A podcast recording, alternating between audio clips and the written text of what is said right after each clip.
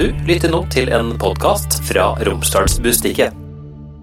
Hør på henne presenteres av DNB, din økonomiske rådgiver fra A til Å. Hun har jobbet som sjef i store selskap som Nille, men en dag fikk hun nok og startet sin egen butikk i en rundkjøring i Hustadvika. Nå holder hun til i Elnesvågen, og folk kommer fra fjern og nær for å handle hos dama, som ikke er redd for å by på seg selv. Else Stavik, velkommen til Hør på henne. Tusen hjertelig takk, Vera. Hvordan går det? Det går bare bra.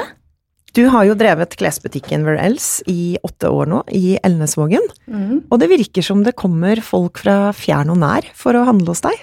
Ja, det gjør det. Og egentlig så er det helt uh, uvirkelig, da. Uh, og det var liksom ikke det jeg så for meg når jeg åpna den lille sjappa mi, som jeg kaller det. Den gangen i rundkjøring på, i Moa, eller på Moa. Eh, men eh, det er vel på grunn av at eh, dette der er jo sosiale medier eh, som har gjort at jeg har blitt kjent på en måte i Norge. eh, så, og som har gjort at jeg kan utvide litt konseptet. eh, og har fått følgere og kunder fra fjern og nær. Og hvor, hvor fjernt kommer kundene fra når de kommer i fysisk butikk hos deg? Eh, jo, hun som er mest fjern, jeg tenkte å si, hun kommer helt fra California. Og hun har vært i butikken flere ganger. Jøsse navn. Ja, og når hun er hjemme her på sommeren Uh, Hun har uh, familie på Vestnes, tror jeg det. Uh, og hun begynte å følge med for eh, mange år siden. Og hun bestemte seg for en gang når hun var hjemme, så skulle hun hit i butikken min. Og det syns jeg er kjempestas. Og hvilke tilbakemeldinger får du fra folk? Hva er det som gjør at eh, de vil handle hos deg?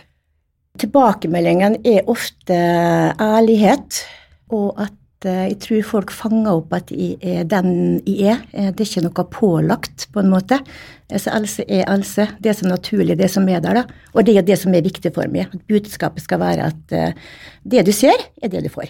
Og hva slags butikk eh, er det du ville lage når du starta Verels? Ja, si det. Jeg er jo egentlig den fødte hippie-slash-bohem. Men så har vært borti litt forskjellige stiler til oppover årene. Eh, Og det er noe med de andre jobbene mine jeg har hatt tidligere i andre klesbutikker. Men jeg er en eh, eklektisk bohem, vil jeg si. Eh, som ikke bryr meg om så mye hva jeg har på meg, men likevel veldig mye. Men det er nok den bohemstilen og litt sånn hippiestilen som eh, tiltaler meg veldig, da. Og når du har eh, bygd opp butikken din, kan ikke du beskrive litt hvordan den ser ut? Uh, ja, jeg syns butikken min er kjempefin. Ja, det må være lov å si. Jeg vet hva, jeg elsker å komme på jobb hver dag, og det har jeg gjort siden jeg åpna. Det skal være en opplevelse ikke bare for kundene, men for oss som jobber der òg. Og liker å komme inn en plass. Jeg elsker å gjøre om på butikken. Veldig glad i farger. Eh, gamle ting. Blanda nytt og gammelt. Så det er ikke sånn I min butikk så er det si, hummer og kanari. Men det skal være koselig å komme inn, og det skal være, det skal være kjekt. Du skal føle det hjemme, på en måte. Og si litt om de tinga du har i butikken. Altså, hva er det du selger? Ja, det er faktisk veldig bredt. Alt fra vesker, boots, sko, kjoler. Vi var veldig gode på kjoler.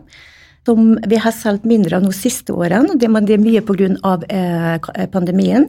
Ikke har det vært konfirmasjoner, ikke har det vært bryllup, ikke har det vært barndåper. Men vi merka det litt i fjor, at da begynte det å ta av. da. Så jeg tror i begynnelsen så ble vi veldig godt kjent for, for at vi hadde så veldig bredt kjolespekter. Så det selger vi mye av. Eh, mye bukser. Vi prøver jo å finne merker og klær som ikke alle andre har. Det er jo litt av konseptet mitt òg. Eh, så eh, Jo, vi selger mye, men veldig mye kjole. Det gjør vi. Mm. Og den typiske kunden din, hvordan ser hun ut? Det er, for det er jo en, en hund, Det er en hund. Ja. eh, ja. i og med at du ikke lenger har klær til menn. Mm, mm. Hvordan er den typiske kunden din? Jeg vet ikke om den er så typisk, for vi har så mange forskjellige, egentlig. Vi har alltid fra det vi se, men vi kan gå på alder, da. Yngste kunden min er 13 år, og eldste er 96. Og det er litt artig, da. Eh, Så, så spekteret er veldig bredt, men den typiske kunden vil ha seg noe tøft. Han vil ikke gå på eh, eh, si kjedebutikker og sånne, for det, det er sånn som alle andre har, ikke sant, de finner det overalt. Så om det er så spesielt, det vet jeg ikke men det er litt spesielle, og det er litt tøffe, kule, rocka, bohemsk, eh, ja, sånn da. Mm. Men der du holder til nå, det er jo ikke sånn eh, kanskje sånn helt enkelt å finne deg? Altså, Er det noen som kjører feil? Ja. ja. det er mange som kjører feil, og det er litt gøy. og For det som har skjedd de siste årene, som vi snakka om innledningsvis, det er jo det at det er veldig mange som kommer fra fjern og nær. Eh, for det første så har vi ikke lov å ha ut verken gateboka eller uh, å reklamere mye ved veien nå, for det bygget som vi leier, det er jo et bygg med både skole, kontor og sånne ting. Men det er også en gammel bussgarasje. Det var gamle bussgarasjen til Atlantic Auto. Vi er inni der.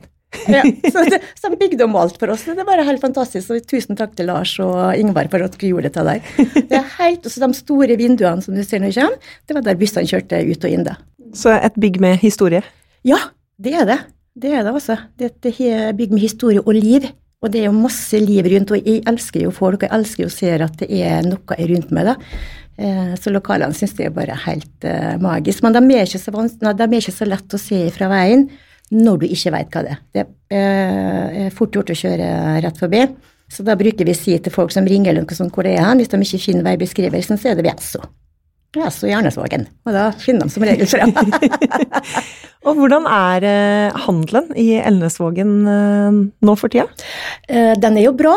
Jeg skal ikke klage, sånn sett. Men det er jo klart at vi har sett ringvirkninger av spesielt når krigen starta i Ukraina i fjor som eh, faktisk gikk fole inn på meg eh, som, eh, som, person.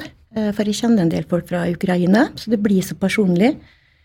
Det var, Den starta på en fredag, og på søndagen så var det helt stilt. Det var ingen bestillinger på butikken, det var ikke folk i butikken. Det var dødt. Og når de sitter nå, så får jeg frysninger. Jeg, jeg, jeg, har det vondt fordi at det som skjedde, det var så uvirkelig. Men det er fordi at det er så nært. Eh, så da eh, mars og april, og til dels mai, var helt katastrofalt. Ja, det var det sjøl om jeg prøvde. Eh, og det gikk så galt innpå meg at jeg klarte ikke stå og legge ut videoer de første ukene etterpå, for det, jeg klarte det ikke. Stå der og hei og sånn her og slik og sånn, og komme og kjøpe og råkul og sånn. Det var Nei. Det, det, var, det var vondt. Det var en vond tid. og så begynner du å tenke hva, hvordan skal dette her gå? ikke sant? Men det snur jo heldigvis, og ting blir um, Hvordan skal jeg forklare det? Du får det litt på avstand, ja. Men samtidig, så er det så nært. det. Så der merka jeg det godt. Pandemien, når den kom, det var jo uh, luksus. Jeg har aldri jobba så mye i mitt liv før. Og det var den tida jeg måtte ansette folk, og, og jeg holdt på å jobbe meg i hjel. Så det var helt utrolig. Men krigen mm -mm. Merker du fortsatt at folk har eh, dårligere råd og ja. må gjøre andre prioriteringer? Ja, det gjør jeg, og det nesten daglig, faktisk. For det blir jo en snakkis blant både oss som jobber der nå, og kundene, ikke sant. Uh, og det er klart at jeg ser at de taper de småkundene på en måte. Hvilke grep gjør du? For det, det, vil jo alltid svinge litt opp og ned, og nå er vi jo i den tida vi er i. Hvilke grep gjør du for å møte utfordringene?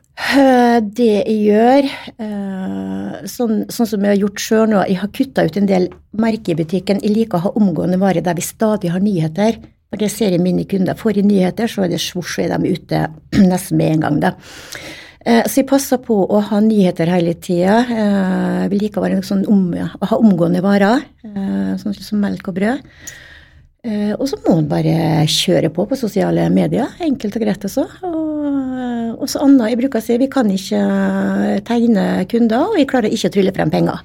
Men passe på at, at det ikke blir sånn 'Å, herlighet, hvordan skal dette her gå? I dag var det så lite', og sånn, da. Men så kommer det de dagene der det bare topp, ikke sant? Og det veier, for, meg, for min sin del, så veier det for de dagene som ikke er så bra, da. Men summa summarum så var fjoråret òg veldig bra i forhold til året før. Eh, og det har begynt bra i år. Men vi må bare hele tida jobbe. Jeg kan ikke sette meg ned og hvile meg. Det går ikke. Er du bekymra for framtida? Nei. Har aldri vært. Er det fordi du er sånn som person? Ja. Ja. ja. sånn, ja. Jo, nei, fordi at jeg er livet har lært meg det at uh, hvis den Men nå snakker jeg om meg sjøl. Eh, hvis de setter meg ned og synes synd på meg sjøl, og, og, eh, alt blir negativt, så går det bare utover meg sjøl, og spesielt min nærmeste, og det er jo min mann, for det er jo bare vi som bor hjemme nå. Jeg føler Det skal ikke tillate meg, for jeg trenger ikke, for det er så mye annet å gledes over. Så, men det er klart der jeg har dager der alt er bare dritt. Selvfølgelig har jeg det. Jeg er ikke sånn supermenneske. Men, men jeg har bestandig sett fremover, og så bare ok, neimen da gjør vi det. Og så er det jo gjerne sånn at jeg finner på noe, jeg, da. Når det er litt sånn negativt, så fyller jeg dagene mine med det som gjør meg positivt, da. Så det å gå og bekymre meg over kanskje det ikke blir kunder, kanskje det blir slik og sånn, nei, jeg kan ikke gjøre det. For det går utover kun meg sjøl òg, da.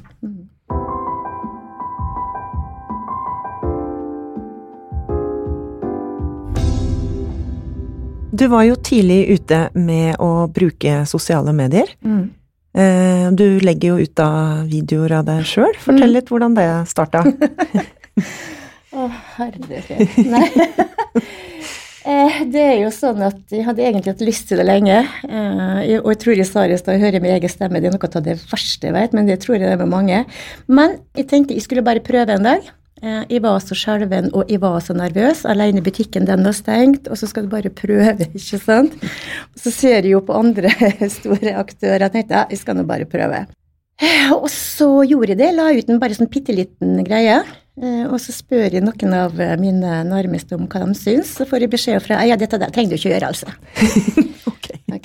Det var nå greit. Andre bare sånn eh, Jo, faen, dette der, unnskyld, dette der var kult, ja. Eh, så det var veldig sånn delte meninger. Men så bestemte han meg for, for den ene negative meldinga, så tenkte jeg nei, dette orker jeg ikke bry meg om. Og så blir du egentlig bare var, mer, mer og mer varm. Så den aller første ordentlige si reelsen som jeg la ut, da, det bare sa pang. Jeg har ikke opplevd maken. Jeg tror jeg hadde 11 000-12 000 treff. Det var helt vilt, for jeg var en av de første i Norge som begynte med dette der. da. Liksom Forsiktig i begynnelsen, så går det jo bare bedre og bedre. Ja, Det var helt vilt. Det tok fullstendig av. Og hva er det med de videoene, tror du, som gjør at eh, folk syns det er kult å se på? Jeg tror, det, og der er tilbakemeldingen, for at eh, de ser en ekthet i det. Eh, Jeg kan ikke stå der og være ordentlig og Hvordan forklare? Altså, det må bare være med. Eh, og ærlighet og å si hvordan plaggene er, hvordan de er på størrelse, og forklare dem eh, hvordan det er sånn i korte trekk, da. Det gjør at det, i hvert fall det har funka for min sin del. Men eh, ektheten og ærligheten er det, det de tilbakemeldingene jeg får. Ofte. Og hvordan er eh, handelen i dag, altså i fysisk butikk kontra nett? Nettet nå er veldig bra. Litt sånn tidvis der òg. Eh, litt, eh, mye og lite. Altså det er ikke sånn, det er ikke mal mer hvordan handlemønsteret er på eh, ved kundene nå. Eh, vi merker det litt når eh, enkelte får lønn, f.eks. Eh, kommunalt. Da er det litt mer. Men egentlig så er handelen ganske flat. Før så var det lørdager var kjempebra, og mandager var dritdårlige. Nå kan det være omvendt. Sånn som på lørdager så gjør de helt andre ting enn å gå ut og shoppe, sånn som vi gjorde. Før, for da eh, pynta vi oss, vi dro på kafé og var sosiale og shoppa litt og sånn. da. Og sånn er det ikke mer. Ja, hvis en sier butikk, og det kan være alltid fra 70-30 til omvendt 70 i butikk og 30 ute i, på nettbutikken. da. Veldig, nei, veldig svingende. Det er ikke Nei, jeg har ikke kabal på det. Veldig opp og ned. ja. Og de som bestiller på nett, hvor sitter de hen i verden? Overalt.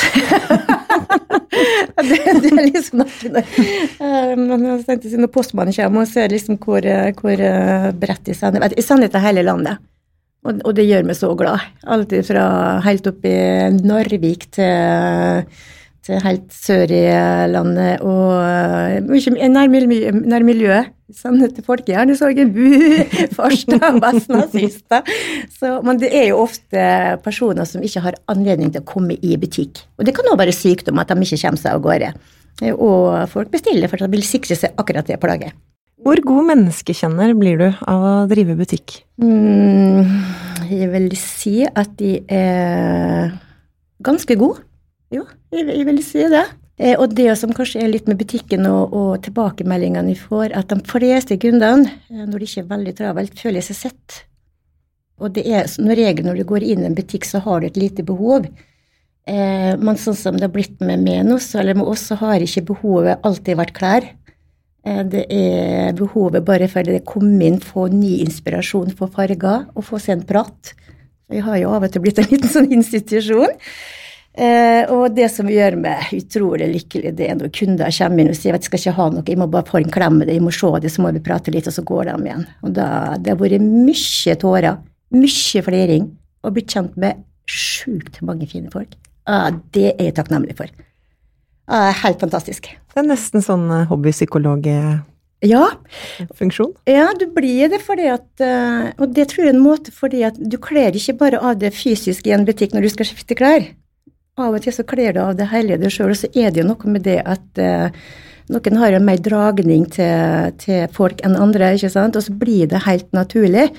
Eh, og til slutt så blir det ja, det blir en, uh, blir en, veldig fin åpenhet, da, og det igjen er med å skape tillit.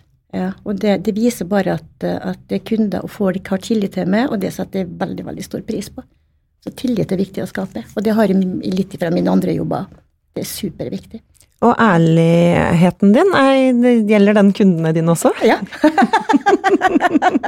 og det er nok det er jo en ting som eh, mange setter pris på, eh, og som jeg òg har blitt kjent for. Eh, jeg sier jo aldri det at et plagg er stygt en kunde. Du må jo veie dine ord, og der må du jo også si den. Men ærligheten til, til, kundene mine, den er superviktig. Og det gjør jo til at kundene kommer tilbake gang på gang på gang. For hvis de hadde vært uærlige og bare vil selge og få inn tusenlappene, så eh, det, det er det er ikke for meg, for da taper jo kundene mine. Det er igjen med å skape en tillit og være ærlig og finne klær som passer akkurat til det og til den personen og kroppen. Superviktig. Så hvis det står noen i prøverommet ditt og ja, du tenker hm, kanskje det ikke passa helt fint, hvordan, hvordan sier du det da? Ser veldig an. Eh, du ser det ofte på kundene når de kommer ut av, eh, av eh, prøverommet, om de er usikre, om de smiler, eller egentlig hele kroppsspråket. Jo, jeg ser det veldig der. Og så prøver vi selvfølgelig litt frem, og det med ja, nye kunder, ukjente kunder. Så det er sånn, Hva syns du sjøl, hva, hva, føler du, ikke sant? Ja. Og hvis kunden sier at jeg syns det var helt nydelig, ja, go for it, ikke sant? Ja. For da, da, skal jeg ikke si noe. For det er veldig viktig at kunden føler seg fin. Da skal jeg ikke blande meg det. For da, det kan òg få kunden til å føle seg usikker. Oi, syns du ikke det? Og da blir det sånn Oi, det var ikke bra. Eh, men så er det dem som sier nei, jeg veit ikke helt. Nei, vet du hva, jeg kan ikke finne noe annet. Å spille på lag med en kunde, det er, det er jo det som er jobben vår. Ja. Å få kunden til å føle seg vel vi sier ofte når du går ut med posen her nå, det, og eh, nye kunder, at eh, når du går ut herfra, så skal du ha den følelsen av at eh, oi, det var bra, dit vil jeg tilbake. Og når du har på deg klærne fra meg, så skal, skal, du føle at de blir rundt og sier at dæsken, dette var kult. Sånn skal det være. Ikke sånn hva alle dager er du har hatt på det.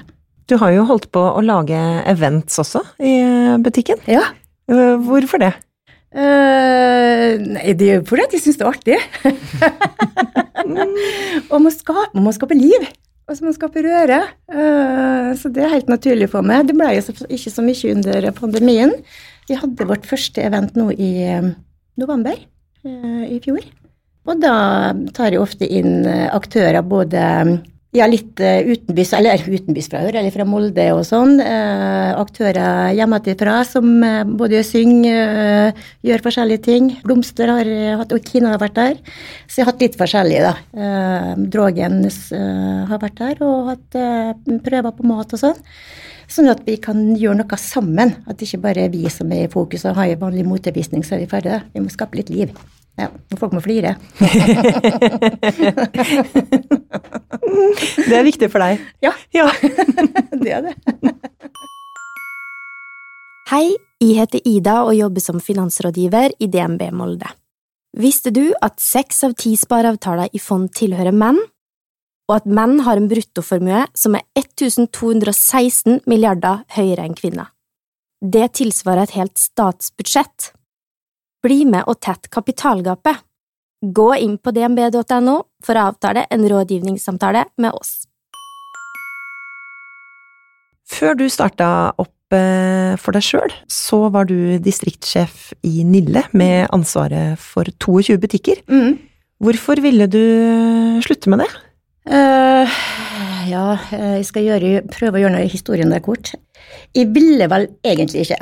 En ganske sånn sta person, uh, egentlig. Eh, Det var store forandringer i, eh, i ledelsen i Nille. Eh, De ekspanderte veldig fort, hadde veldig store vyer eh, både inn- og utland. Og så ble det veldig mye byråkrati. Så jeg følte det som var viktig for meg som en distriktssjef, eh, det er de som jobber i butikk. Det er ekstrahjelpene. eh, Kjempeviktig. Eh, Om det er vaskehjelp, eh, butikksjef og sånn, så er det dem som står i fokus. For det er dem som gjør at vi selger varer. Nei, men det, det, ble, det ble ikke riktig for meg, da. For jeg følte det som ledelsen krevde av oss, det var ikke riktig forhold til, til mine medarbeidere og butikksjefer. Pluss at jeg reiste utrolig mye. Jeg reiste hele tida. Jeg var aldri hjemme. Eh, og det gjorde at eh, jeg husker jeg, eh, jeg kom hjem eh, en fredag, og Jan Geir vi satte oss ned med et glass vin og selvfølgelig laga mat. Og så satt vi og prata, så begynte vi bare å skrive sånn, nå orker søren ikke mer. sier. Så sier han, vet du hva, altså, nå sier du opp den jobben der. Nei, det kan jeg ikke gjøre. Ja, vet du hva, nå sier du, for nå, nå er du på grensen til å for det første til å gå på veggen, eh, men du bryr deg om altfor mye om, eh, om de andre, og nå slutter du. Og så bare da, men kjære vene, kan du ikke gjøre det. Det er jo, det er jo krise. Så jo, det kan du gjøre. Du bestemmer sjøl, du. Så bare, ja, faktisk, det gjør jeg. Jeg bestemmer sjøl. Så du slutta uten å egentlig ha noe annet å gå til? Ja, så jeg sa opp på søndag og sendte oppsigelsesmail til, til sjefene mine, eller til ledelsen. Eh, hvorav på mandag fikk jeg telefon fra Kjetil Hesmyr, en fantastisk fyr som var min nærmeste leder. da. Eh, jeg digga han den dag i dag, eh, og han, det, det kom så jeg bomme. Det gjorde det. Eh, Så det gikk mange teorier sånn etterpå hva, om det var noe gærent, om jeg har sparken og sånn, men det var det ikke. Jeg opp helt, helt alene. Hva lærte du av den prosessen der? Hva jeg lærte? Um, jo, du skal ikke finne det i alt. Altså, du må si fra. Jeg har vært den som ehm, jeg, har, jeg var den som kanskje kan si fra på et møte. Jeg liker ikke lobbyvirksomhet. Nei, eh, Du kan godt drive lobbyvirksomhet, det er helt i orden, men hvis ikke personen som veit om det, eh, ikke veit hva du føler, så har du ikke sjanse til verken å forbedre det på den ene eller andre måten. Eh, For meg så var det viktig å være en god uh, hater ordet sjef, men å være en god leder. Eh, Så jeg kledde meg nesten naken til dem og sa dere må hjelpe meg til å bli en god leder. Eh, og, og det å være en god leder hjalp meg får det mye i den jobben, da. Når du sånn lærte hva jeg, jo, jeg lærte å bli en god leder og høre og lytte på hva folk sier, deres sine behov. For det er ikke bestandig ledelsen og de som er ledere og sjefer som har rett. Det er dem der som kan og veit og gjør jobben. Mm. Hva annet kjennetegner en god leder, tenker du? Eh, Det kan være mye. Eh, For min del er det tillit, å høre på og lytte på behovene, eh, legge til rette, og ikke minst å inkludere dem i, i drift.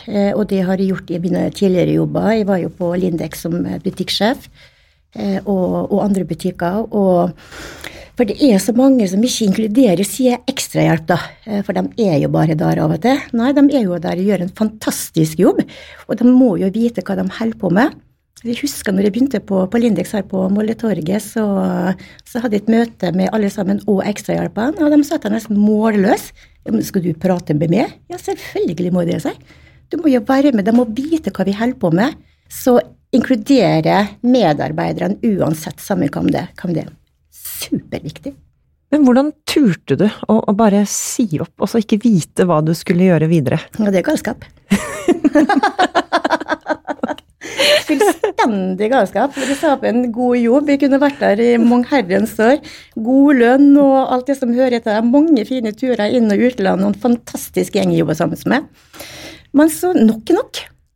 Eh, De ville jo at de skulle, vi skulle få mer i lønn, de ville at de skulle være videre, men for meg så var det Altså, lønna betyr ikke livet ditt. Nei, da vil jeg heller ha det bra. Og hvor, hvordan kom ideen da om at uh, jeg starter mitt eget? Ideen har jeg egentlig vært her i mange år. Uh, Det er en sånn uh, Å, gud, tenk å ha sin egen butikk, da. Det var rart. Altså, jeg har bestandig vært interessert i klær. Og, og de ideen ble mer og mer til, eller tankene, når jeg reiste mye rundt som distriktssjef. Og når jeg kom på sånne små plasser sjøl og fant en sånn liten uh, herlig butikk, så gikk jeg jo nesten amok. Det var sånn oh, Tenk å ha noe sånn. Ja, Skape ditt eget. Så det var aldri aktuelt for deg å starte opp i Molde? Nei. Nei. Nei. Og navnet da? Where else? Where else? Det er hun, søsteren min, hun Rigmor, som skal ha æren for. Så vi satt og pratet om hva vi skal ha som navn, og så what else, or elsewhere, og alle sånne. Så bare sier hun snakka til hun bor i Trondheim, og så sier at ja, men herren, det du skal hete Wales. Ja, Wales! Det var kult. Ja, så det, det er fra hun. Det var hun som kom på. Ja, så jeg digger det navnet sjøl, jeg. Og hvordan fikk du penger til å Du må jo ha noe å begynne med? Nei. Nei. Nei. Du må ikke det. Jo, er klart må penger, men ikke mye. Eh, det som jeg gjorde når jeg fant ut at, eh, at vi fikk det lokalet Og lokalet jo var jo egentlig genialt, for det var jo rundkjøringa når du kjører på, til Ernesvågen eller til, til Eide. Eh, og mange stussa jo på hva i alle dager, du kan ikke ha butikk der. Jo, men det folk ikke tenkte på, er at det er jo 8000 biler som passerer hver dag. Og det er jo et lite knutepunkt. ja. Eh, Så sånn sett var det greit. Men så jeg starta lang vei i forhold, eller eh, før jeg skulle åpne med å kjøpe inn litt forskjellige ting. Det var ingenting nytt. Alt var brukt. Absolutt alt. Ja. Altså interiøret. Interiør, alt. Det var ingenting Ja. Eh, naboen vår, han, onkel Tore, han eh, ordna Gikk opp i skauen og ordna sånne stenger som skulle henge klær på, for jeg visste at de skulle ha kjetting i taket, det skulle være litt sånn rustikt, ikke sant, så jeg tok jeg ting jeg hadde hjemmefra og sånn, så prøvde jeg å skape det som For det er viktig med- for meg at uh, jeg skal være hjemme, hvis du forstår hva jeg mener. Ja. Når du er på jobb, så er du i et sånn Ja, ja, så det skal være likedan. Ja. Så sånn var det. Så jeg tror sånn fysisk at jeg brukte 50 000 av, eh, Av lomma di? Av lomma mi, ja. Ja. Eh, og mer brukte jeg ikke. Og hvordan har det gått? Har du blitt rik av å holde på med dette? Jeg har så greier med. Ja. Jeg lov å si det. Ja, det må være lov å si. Ja, faktisk. Ja. Og det er jeg stolt av. Ja. Veldig, veldig stolt av. Ja, hvordan føles det å ha skapt sitt eget, som nå lever på åttende året, og der du også har ansatt andre? Ja. Eh, ja, det er noe janteloven som kommer i Norge. Vet du hva, jeg er utrolig stolt. Jeg er kry. Eh, jeg er så glad for at jeg har fått til det jeg har fått til. Eh, når jeg ansatte min første person, så, så visste jeg nesten ikke hva jeg skulle gjøre. Tenk å ansette en person, da. Det, er, jo, det er jo helt vilt. Eh, og nå har jeg fått ansatt en butikksjef.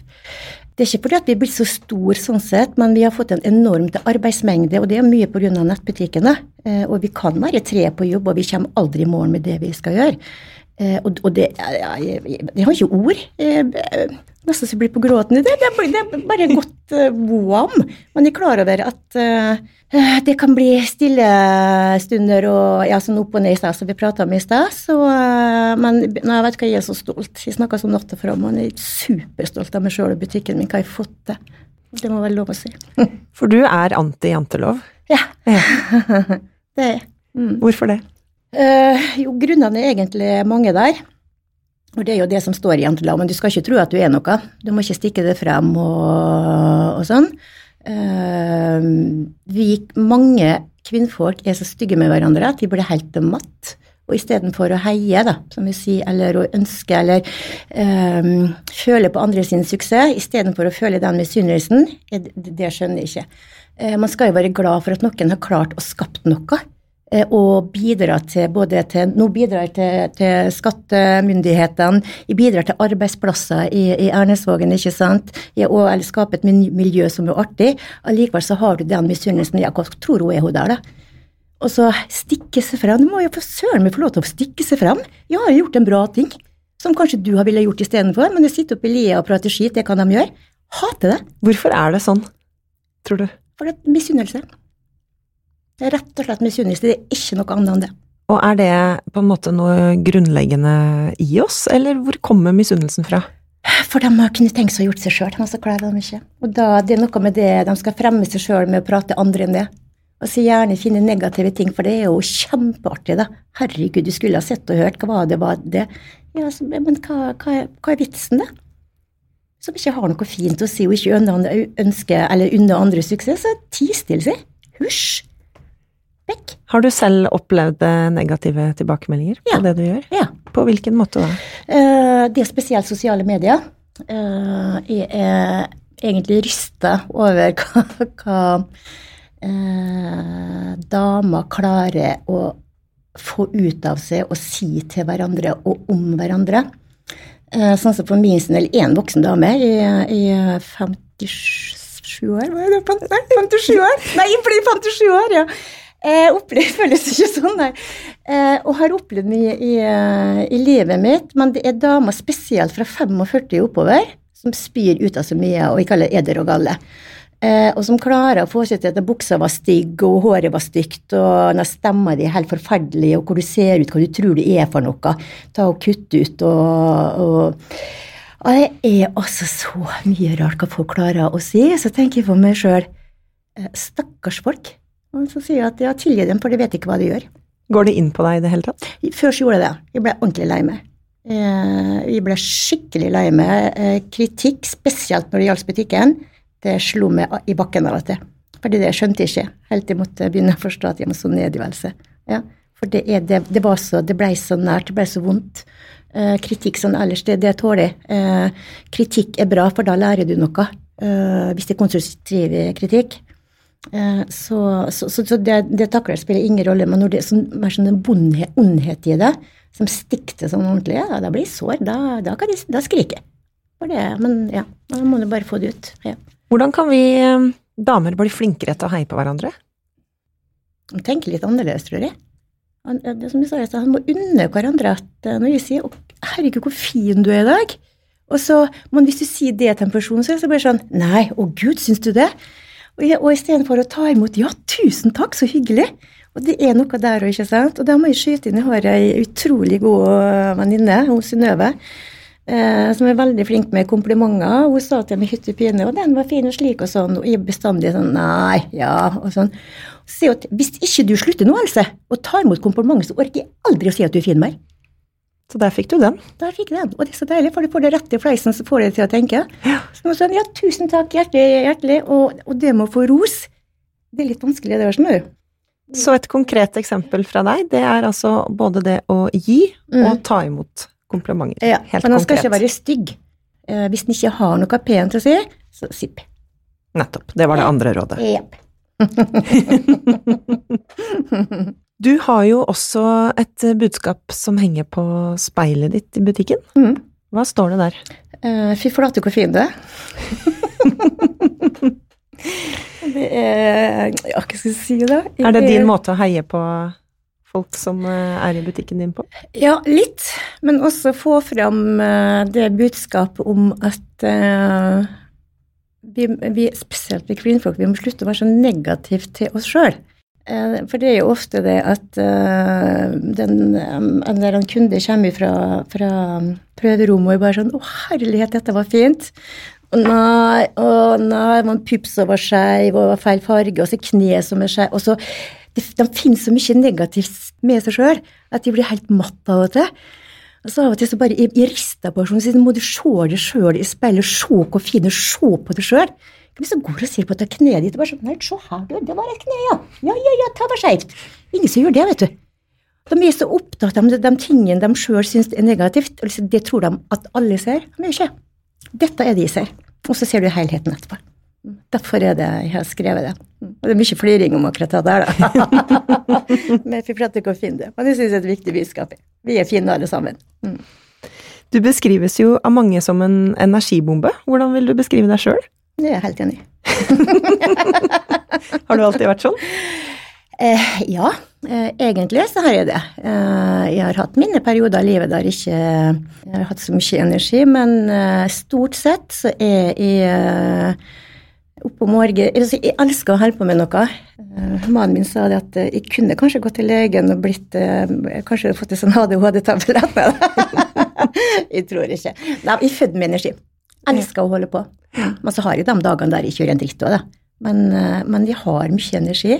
Eh, Jeg har mye latter og glede i meg, og det, vi syns det er godt å tilføre andre òg, da. Er det smittsomt? Latter? Ja. jeg, jeg prøvde dette en gang. Jeg gikk på Roseby, eh, det er to år siden. Eh, og så tenkte jeg vet du hva, nå skal jeg gå og smile hele dagen. Det er bare folk som gikk der, og sånn, og bare for å se reaksjonene. Og folk de ble litt sånn kikka på meg og lurer på hva Men så, du fikk så mange smil.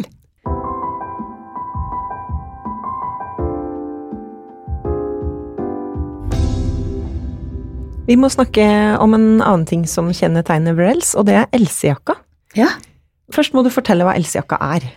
Elsejakka. Ja, jeg har bestandig eh, hatt eh, Eller bestandig strikka siden jeg var ni år, eh, og har masse restegarn. Eh, og så fikk jeg jo ideer på nettet der òg. Jeg var strikke noe, så begynte jeg med min første jakke, og det er mange, mange mange år siden. Eh, og så strikka jeg Else-jakka, ja. Så tok hun vår staudekontakt. Og det holdt på å dø. Jeg syntes dette var kjempestas. Eh, og så spør hun om jeg vil strikke ei jakke til, og ja, selvfølgelig skal jeg gjøre det, sa jeg. Og hun betalte full pris, bare så det er sagt. Ikke hva sponsing, og betalte porto og alt. Og så sier hun det at hun kanskje skal ha, ha på seg på God morgen Norge. Ja, ja, men det får vi jo se, da, tenkte jeg da. Ja. Og dette var etter, eh, etter skoleferie eller sommerferie. Og så ligger jeg en morgen og så bare tenkte jeg at eh, ja, vet du, jeg har på God morgen Norge. Og der er jo jakka mi. Og jeg bare Jeg, bare, jeg visste ikke hva jeg gjorde. Fløy rundt i huset som en tulling. Å, så stolt. Jeg trodde ikke det var sånn. ser jeg på hjertebank når vi prater om det. Og hvordan ser jakka ut? Det er en masse farger. Masse farger. Lang strikkejakke som strikka både kun Rastvik og Men det ble ei kul jakke, syns du da? Ja. Er det fortsatt etterspørsel etter den? Ja, det er det. Litt, litt tidvis. Nå spesielt når vi nærmer oss eh, litt varmere tider og litt fargerike tider. Så jeg det. Så jeg har fått masse spørsmål om uh, jakka, om vi selger pakker enda, og mønster. Det gjør jeg ikke per dags dato, for uh, jeg må skrive om det mønsteret litt, litt. For nå har jeg ikke tilgangen til det garnet som jeg hadde den gangen. Så mønster, det kommer. Mm. Men det kommer ikke garnpakke, men et mønster kommer. Om ikke så altfor lenge. Og hva er det strikking gir deg? Fred og ro. Tankene de bare går. Mange, jeg har prøvd yoga, jeg har prøvd mange metoder for å få roe ned hjernen på en måte, så jeg, jeg har så mye energi i meg eh, og masse tanker. Eh, yoga det funker kanskje litt, men ikke sånn som jeg ønsker det. Men det å få sette seg ned med strikkepinner i min krok eh, og få bare koble fullstendig av, og da er det mange tanker og sånn som kommer, så jeg får sortere veldig mye, da. Pluss at de skaper noe, og jeg elsker jo å skape. For du har alltid vært kreativ? Ja, det vil jeg si, faktisk. Ja, Siden jeg var lita jente, så har jeg nok det, ja. Fortell litt om Altså, du heter jo Stavik til etternavn, mm. og det er jo et sted i det som nå heter Hustadvika kommune. Fortell mm. litt. Hvor er det du har vokst opp? Jeg vokste opp eh, i Stavika. Eller mamma er fra Stavika, og pappa er fra Vigå. Så vokste opp i Stavika i, i mange år, men eh, sånn jeg har aldri hatt noen base fra jeg var lita jente og vokste opp. Vi har bodd på mange forskjellige plasser, og det har jo mange grunner til det. Ja. Men det er liksom Stavika som i eh, sier er min hjemplass, da. Stavika og Ernesvågen. Og hva slags oppvekst var det? Altså ute på, på bygda, nært eh, sjø og fiske og Veldig bra. Ja, vi var jo veldig mye ute. Jeg hadde veldig fritt. Så sånn sett var det bra. For vi alle å være ute. Vi er en søskenflokk, eller på Da var vi fire med sånn tripp-trapp-tresko, så vi var veldig mye ute og leka oss. Hytte i skogen og Ja. Og veldig, veldig fine minner der. Hva har du med deg fra oppveksten? Mm, det er mye. Både på godt og vondt. Mm. Uh, mye positivt, mye negativt. Men jeg lærte uh, jeg har bestandig lærte tidlig at jeg må stå på egne bein. Det er jo det som har eh, Både barndommen og oppveksten har jo vært med til å forme meg som den jeg er. Eh, og de viene jeg har nå, både med meg sjøl og mine barn og barnebarn. Mm. Så sånn, livets lærdom. Men stole på seg sjøl og lære å bli voksen. Hva er det viktigste du har forsøkt å lære dine barn? Ærlighet. Ærlighet og medmenneskelighet. Eh, å være glad i hverandre. Si at en er glad i hverandre.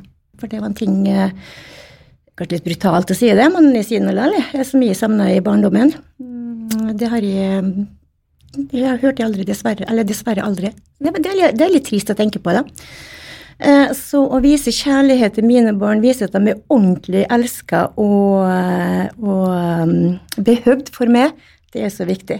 Jeg husker første gangen eh, eldste sønn sa at eh, For jeg går og sier at jeg elsker, elsker, elsker barna mine. Eh, så sier han, da bodde vi i Kristiansund, så 'Jeg elsker deg, mamma!' sier han. Og jeg begynte å skrike. Det var altså så, det var så rørende. Det er det jeg vil, ja. 'Jeg elsker deg, mamma!' Ah, Fine ord. Er, det, er, du et følelsesmenneske? Ja, veldig. sånn, ja, jeg er veldig følelsesmenneske. Jeg er det, altså. Ja.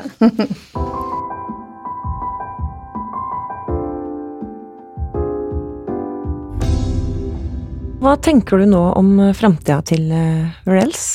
Hvordan, hvordan, ser horisonten ut? Det ser utrolig bra ut. jeg har jo hatt uh, Før pandemien kom, og så har jeg, lyst, jeg har jo lyst til å starte flere butikker. Må si noe med det at uh, Else ble ved din, eller skomaker ble, ble, ble ved din lest. Uh, ja. Jeg har jo prøvd et par sånne pop-up-butikker som var kjempeartig, men det er veldig veldig mye jobb. Så drømmen min er å ha en liten filial i Trondheim, og den skal jeg få til. Og hvorfor akkurat Trondheim? For det er en by som trenger Burrells. Nettopp. ja, for, nei, for det første så er det nært, uh, og jeg syns Trondheim er, det passer liksom til konseptet, for Burrells skal ikke være overalt. De skal ikke, for det første ikke være på senter. Det må være for seg sjøl. Uh, og så er det nære med, på en måte. Det er ikke så langt å kjøre dit. Eh, nei, bestandig liksom Trondheim har hatt en så liten eh, dragning til Vi har snakka om Ålesund og sånn, men så ble jo det utelukka. Og ja, det er mye, jeg har tenkt på mye gjennom årene. Men det med Trondheim, det er der ennå, det. Men det er jo det å finne det riktige lokalet og riktig tid. Og, men den er i hvert fall ikke nå. Hva har livet lært deg? Har du et råd som du vil gi videre? ja, Det blir sånn klisjéaktig på en måte, men det blir sånn tro på det sjøl. Og, og kjenn på hva du vil, og sånn ikke la folk tråkke over det og ødelegge det. Uh, have faith for yourself. Enkelt og greit. Har du en kvinne i livet du ser opp til? Jeg har ikke ei, men jeg har veldig mange. jeg har så mange fine folk rundt meg. Jeg har Opp gjennom årenes løp så mister du noen, og så kommer det hele tida nye. da. Eh, men det som er det som jeg er veldig glad for, er at jeg hele tida blir kjent med nye folk. Men så har jeg en liten base av fantastiske, gode venninner som jeg ser opp til på hver sin måte. Eh, og som tilfører meg utrolig mye på, på hver sin måte. Så jeg må si per dags dato så ser jeg opp til alle de utrolig gode vennene rundt meg. Som gir meg nesten livet mitt. Og det er jeg veldig takknemlig for. Else Stavik, tusen takk for at du var gjest i Hør på henne. Tusen takk for at vi kom. Hør på henne er laget av Romsdals Bustikke. Produsenter er Stian Viken og Hanne Fleischer. Mitt navn er Vera Henriksen. Har du ris, ros eller innspill til gjester? Send meg en e-post på hennealfakrøll-r-b.no. Følg oss også gjerne på Instagram, så håper jeg vi høres snart. Hør på henne presenteres av DNB, din økonomiske rådgiver fra A til Å.